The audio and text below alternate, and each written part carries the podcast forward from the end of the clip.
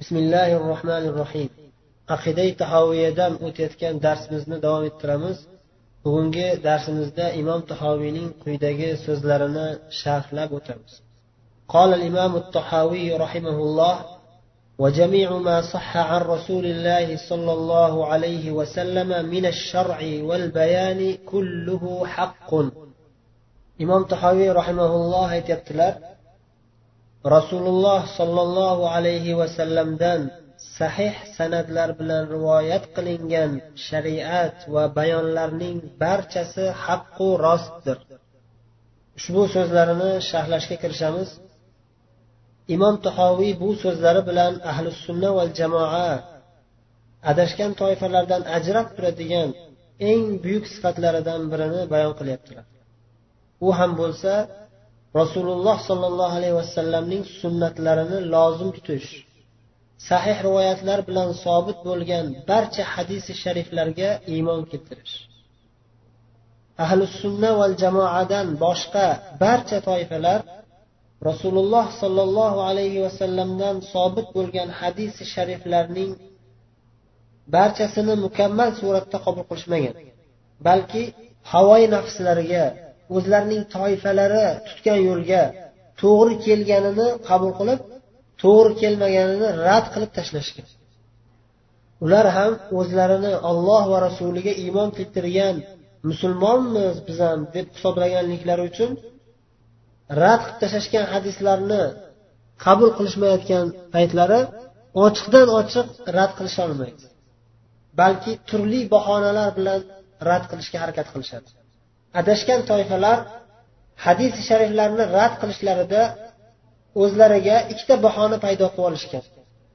Birinchisi mutavotir bo'lmagan hadislar deb turib bu hadislarning sobit bo'lganligi qat'iy emas balki zonniy gumon degan bahona bilan rad qilishadi mutavotir bo'lmagan hadislarni bu hadislar sobit bo'lganligi qat'iy emas. Gumonli. Aqida masalalarida gumonli narsalar qabul qilinmaydi degan bahona bilan rad qilishadi. Bu birinchi bahonalar. Ikkinchi bahonalari mutavotir bo'lgan hadislarni e, rad qilishda qiynalishadida nima deyishadi? Aytishadiki bu hadislarning lafzlari qat'iy suratda sobit bo'lgan bo'lsa ham lekin ma'nolari bu hadisdan ko'zlangan maqsadlar qat'iy emas. Bu hadislardan ko'rinayotgan ma'nolar zohiriy ma'nolar qat'iy emas degan bahona bilan qabul qilishmaydi. Hadisning ma'nolarini qabul qilishmaydi. Lafzlarini hadis deb qabul qilamizu lekin ma'nolari boshqacha bo'lishi kerak. Bunaqa ma'no bo'lishi mumkin emas deyishadi. Bu ikkinchi bahonalar. Bu ikkinchi bahonalari nafaqat hadis shariflarni rad qilishga balki hatto o'zlarining to'qib olgan qoidalariga to'g'ri kelmagan aqliy deb davo qiladigan qoidalariga to'g'ri kelmagan oyat karimalarni ham rad qilishga iste'mol qilishadi. Ya'ni hatto oyat karimalarni ham ma'nolarini aqliy davolariga binoan burib tashlashadi. Endi shu o'rinda savol tug'iladiki ana shu toifalar biz ularni ahli bidatlar deb aytadigan toifalar ular ham o'zlarini musulmonmiz deyishadi. Qur'oni sunnatga iymon keltiramiz deyishadi. Qur'on hadisni qabul qilamiz agar mutavotir bo'lsa deyishadi. Aqida masalalarida xususan. Ammo fiqhiy masalalarda ohad hadis bo'lsa ham qabul qilaveramiz chunki bular amal amal qilinaveradi. Lekin e'tiqod masalasida qat'iy dalil bo'lishi kerak. Qat'iy dalil esa mutavotir suratda sobit bo'lishi kerak deyishadi. Mutavotir deganda ya'ni juda ko'pchilik odamlar rivoyat qilgan bo'lishi kerak. Bitta sahobiydan ikkita sahobiydan kelsa qabul qilishmaydi. Bir qancha sahobiylardan bir qancha tobeinlar bir qancha taba tobeinlar bo'lib ulanib ulanib ketishi kerak. Ana shunda mutavotir bo'ladi va ana shunda lafzi qat'iy bo'ladi. Endi ma'nosiga kelganda aqliy dalillarimizga qaytamiz deyishadi. Aqliy dalillarimizga to'g'ri kelsa qabul qilamiz deyishadi. Aqliy dalillarimizga to'g'ri kelmasa boshqacha ma'no izlaymiz boshqacha ma'nosi bo'lishi kerak deyishadi. Endi shu o'rinda savol tug'iladi. Ahli bidatlar o'zlarini o'zlari adashtirib sahih hadislarni rad etish uchun mana shunday bahonalarni to'q chiqarishga ularni nima majbur qilgan? degan savol tug'iladi. Bunga javob shuki o'zlarining aqllarini shariat ustidan hukmron qilib olganliklari. Aqliy dalillar deb turib aqliy dalillarni qur'on hadisga qarshi qilish zohiriy ma'nolariga ya'ni ular aytishadiki qur'on hadisni zohiriy ma'nosi aqlga to'g'ri kelmasa qabul qilinmaydi deyishadi. Billah. Ya'ni xuddiki qur'oni karim va hadis shariflarda ba'zi bir hujjatlar zohiri aqlga teskari. Ya'ni alloh taolo xuddiki odamlarni chalg'itayotgandek. Billah. Aslida musulmon kishi qur'oni sunnatga iymon keltirgandan keyin o'zining aqlu zakovatini ana shu ilohiy vahiyga tobe qilib iste'mol qilishi lozim. Ana shunda u hech qanday botil fikrlarga kirib ketmasdan salomat bo'ladi. Islom tarixida o'tgan ahli sunna imomlarining aqlu zakovatlari boshqa odamlarning aqlu zakovatidan kuchli bo'lgan va ular ana shu kuchli aqlu zakovatlarini qur'oni karim va hadisi shariflarga tobe qilishgan. Qur'oni karim hadis shariflarga ergashadigan qilishgan o'zlarini aqllarini. Qur'oni sunnatning ustidan hukmron qilib olishmagan. Shuning uchun ham alloh azza va jalla ularning ilmlariga va ularning aqllariga barokatlarni yog'dirgan. Alhamdulillah. Misol uchun ahli sunna imomlaridan bittalarini olib qarang. Eng buyuk muhaddis hadis ilmi bo'yicha mo'minlarning amiri degan laqabga sazovor bo'lgan buyuk imom bobomiz muhammad bin ismoil al buxoriy butun dunyo e'tirof etib butun dunyo bu kishini oldida tiz cho'kadi. Ana shu zot eng kuchli san'atlar bilan sobit bo'lgan sahih hadislar to'plamini yozganlar. Bir ming ikki yuz yildan beri butun olam sahih al buxoriy deb tanib kelgan. Islom ummati bir ovozdan qabul qilgan sahih hadislar bular hammasi. Bu kitobdagi sahih buxoriydagi kelgan hamma hadislarni islom ummati bir ovozdan qabul qilishgan. Nimaga? Chunki sahih san'atlar bilan sobit bo'lgan eng kuchli sahih hadislar. Buni butun islom ulamolari tekshirib chiqishgan haqiqatdan eng kuchli san'atlar bilan sobit bo'lganligini e'tirof etishgan bu kitobda imom buxoriyning aqlu zakovatlari naqadar ham buyukligini alloh taolo o'zi izhor qilib qo'ygan. Vaholanki imom buxoriy bu kitobda o'zlarining so'zlarini emas payg'ambarimizdan eng kuchli san'atlar bilan sobit bo'lgan hadislarni yozganlar. Lekin shunday bo'lsa ham ulamolar aytishadiki fiqhul buxoriy fi tarojumi buxoriyning fiqhi ya'ni hadislarga bo'lgan tushunchasi va aqlu zakovati kitobning ichidagi sarlavhalaridan ko'rinib turadi deyishadi. Oyat karimalarni va hadis shariflarni imom buxoriy kabi juda ham kuchli aqlu zakovat bilan tushunib yetadigan olim odam topish qiyin. Imom buxoriydan keyin u kishiga yeta oladigan olim chiqmagan. Imom buxoriydan oldin u kishidan kuchliroq ulamolar bo'lishgan. Lekin imom buxoriydan keyin u zotga yetadigan kuchli ulamo chiqmagan. Aqlu zakovat jihatdan ham. Olloh bu kishining aqlu zakovatiga ham barakotlarni yog'dirdiki chunki bu odam qur'oni sunnatga bog'langan holida qur'oni sunnatga asoslangan holida aqlu zakovatlarni ishlatdilar. Islom tarixida bunday ulamolarimiz alhamdulillah minglab balki yuz minglab ulamolar o'tishgan. Aqlu zakovatlarni qur'oni sunnatga ergashadigan qilgan buyuk sunnat ulamolarining ilmlari va aqllariga alloh taolo o'zining barokatlarini yog'dirgani tufayli mana hozirgi davrimizgacha butun dunyo ular yozib qoldirgan kitoblardan foydalanib kelyapti. Qur'on hadisdan boshqa kitoblarda albatta xatolar bo'ladi lekin baribir qur'on sunnatga ergashgan holida qur'on hadisga tayanib qur'on hadisga tobe bo'lib yozgan kitoblarini o'qigan odamlar ularning aqllari zakovatlari naqadar ham kuchli ekanligini e'tirof etmasdan iloji yo'q. Xullas olloh bergan bu aql hech qachon ollohning vahiysiga qarama qarshi bo'lmaydi. Aksincha aqlu zakovatimizni qur'oni sunnat yanada kuchaytiradi. Qur'oni sunnatga ergashgan holimizda iste'mol qilsak bu aqlni alloh taolo bizga bu aqlimizni yanada rivojlantiradi yanada kuchaytiradi. Bu narsada zarracha ham shubhamiz yo'q.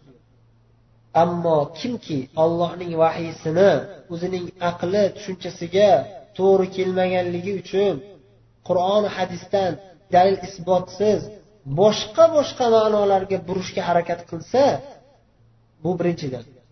Ikkinchidan sahih rivoyat bilan sobit bo'lgan hadisni qabul qilmasa u odam shak shubhasiz haq yo'ldan adashib zalolatga ketadi. Endi yana bir muhim savol barcha omi odamlarning xayolidan o'tsa kerak. Sahih hadislarni sahih ekanini qanday bila olamiz? degan savol.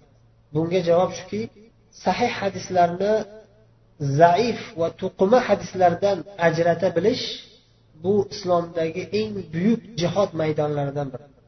Bu maydonni ajdodlarimiz sahobiy ikromlar davridan boshlab hozirgi davrimizgacha alhamdulillah bizga musaffo holda yetkazishgan. Alloh subhanahu va taologa cheksiz hamdlar bo'lsin. Va ana shu buyuk muhaddis ajdodlarimizdan alloh o'zi rozi bo'lib ularga biz kabi ojizona avlodlari nomimizdan ham buyuk mukofotlarni yog'dirsin. Bu mavzuda gap ochilganda birinchi bo'lib yana imom buxoriyning sahihlari zikr qilinadi undan keyin imom muslimning sahihlari. Ushbu ikki sahih hadislar to'plamini barcha islom ummati bir ovozdan qabul qilishgan. Islom ummati deganda birinchi o'rinda ulamolar ko'zda tutiladi ulamolarni ham muhaddis ulamolari muhaddislari yana birinchi safda turishadi. Bular rivoyat qilinayotgan hamma hadislarni birma bir tekshirib chiqishadi. Qadimda yuz minglab muhaddis ulamolar o'tishgan. Eng taqvoli eng sodiq eng rostgo'y insonlar. Alhamdulillah. Islom tarixida ular juda ham ko'p ularning tarixlari ham butun olamga ochilgan ravshan shubhali odamlar emas ular.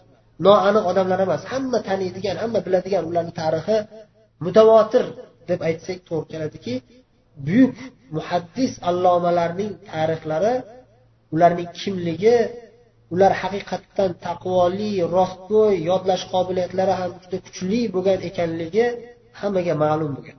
Bu narsa tarix kitoblarida yozilgan. Mutavotir suratda silsilab davom etib kelyapti. Alhamdulillah.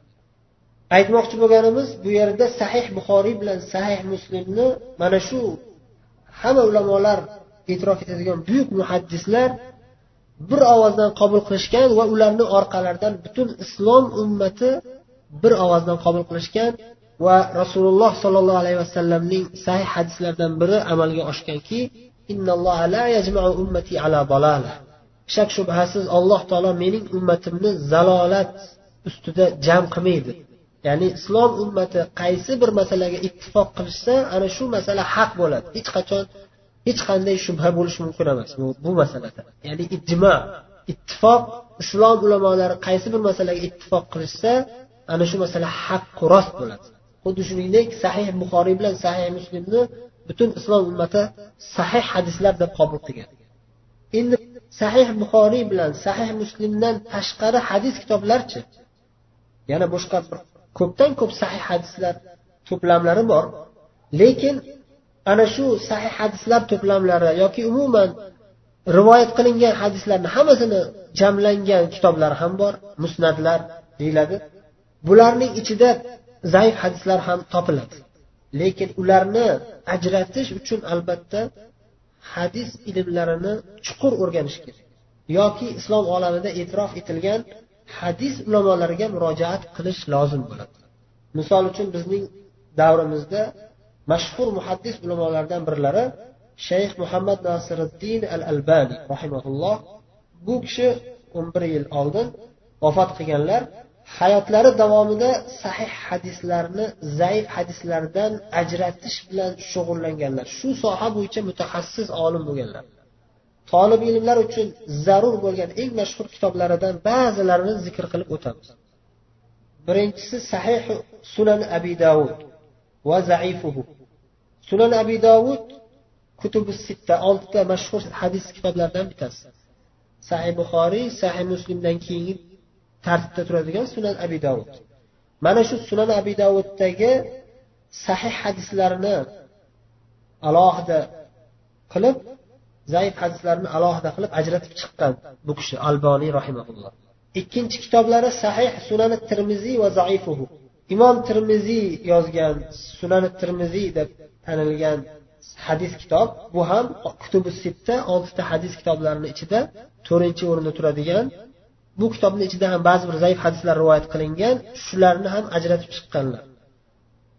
Uchinchi kitoblari sahih sunani nasai va vaifu imom nasoiy yozgan hadislar to'plami kitoblari beshinchi o'rinda turadi. Bu kitobni ichida ham ba'zi bir zaif hadislar bor. Shularni ajratib sahihlarni alohida qilib zaiflarni alohida qilib chiqqanlar. To'rtinchi kitoblari sahih sunani ibn maja va zaif imom ibn moja rahimaulloh yozgan hadislar to'plami kitoblarini ham shunday tartibda ajratib chiqqanlar sahihlari alohida zaiflari alohida. Bu imom ibn mojaning sunanlari hadis kitoblarining tartibi ichida oltinchi o'rinda turadi.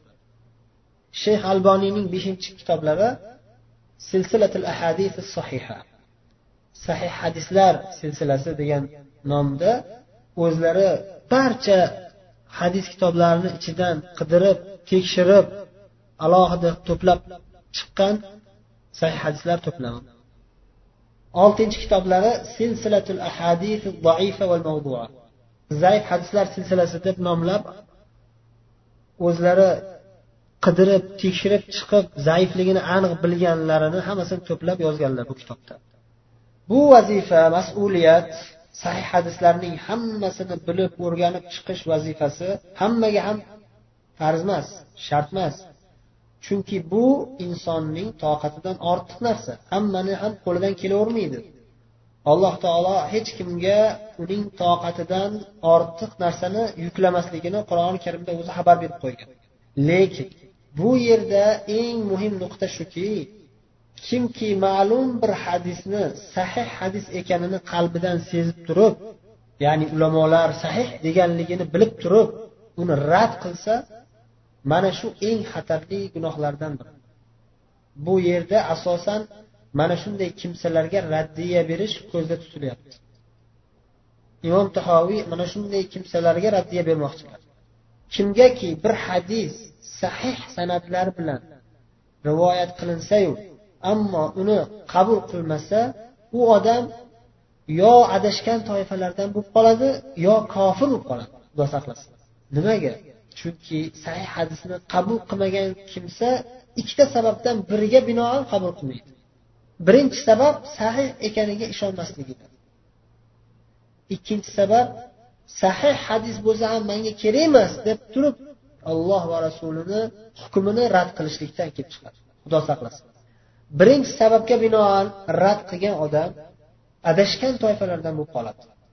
Qachonki u bu sahih hadisni rad qilishiga hech qanday ilmiy hujjati bo'lmasdan turib rad qilsa chunki bu narsani ustidan ilmsiz hujjatsiz hukm chiqargan qoladi va bu narsa zalolat bo'ladi.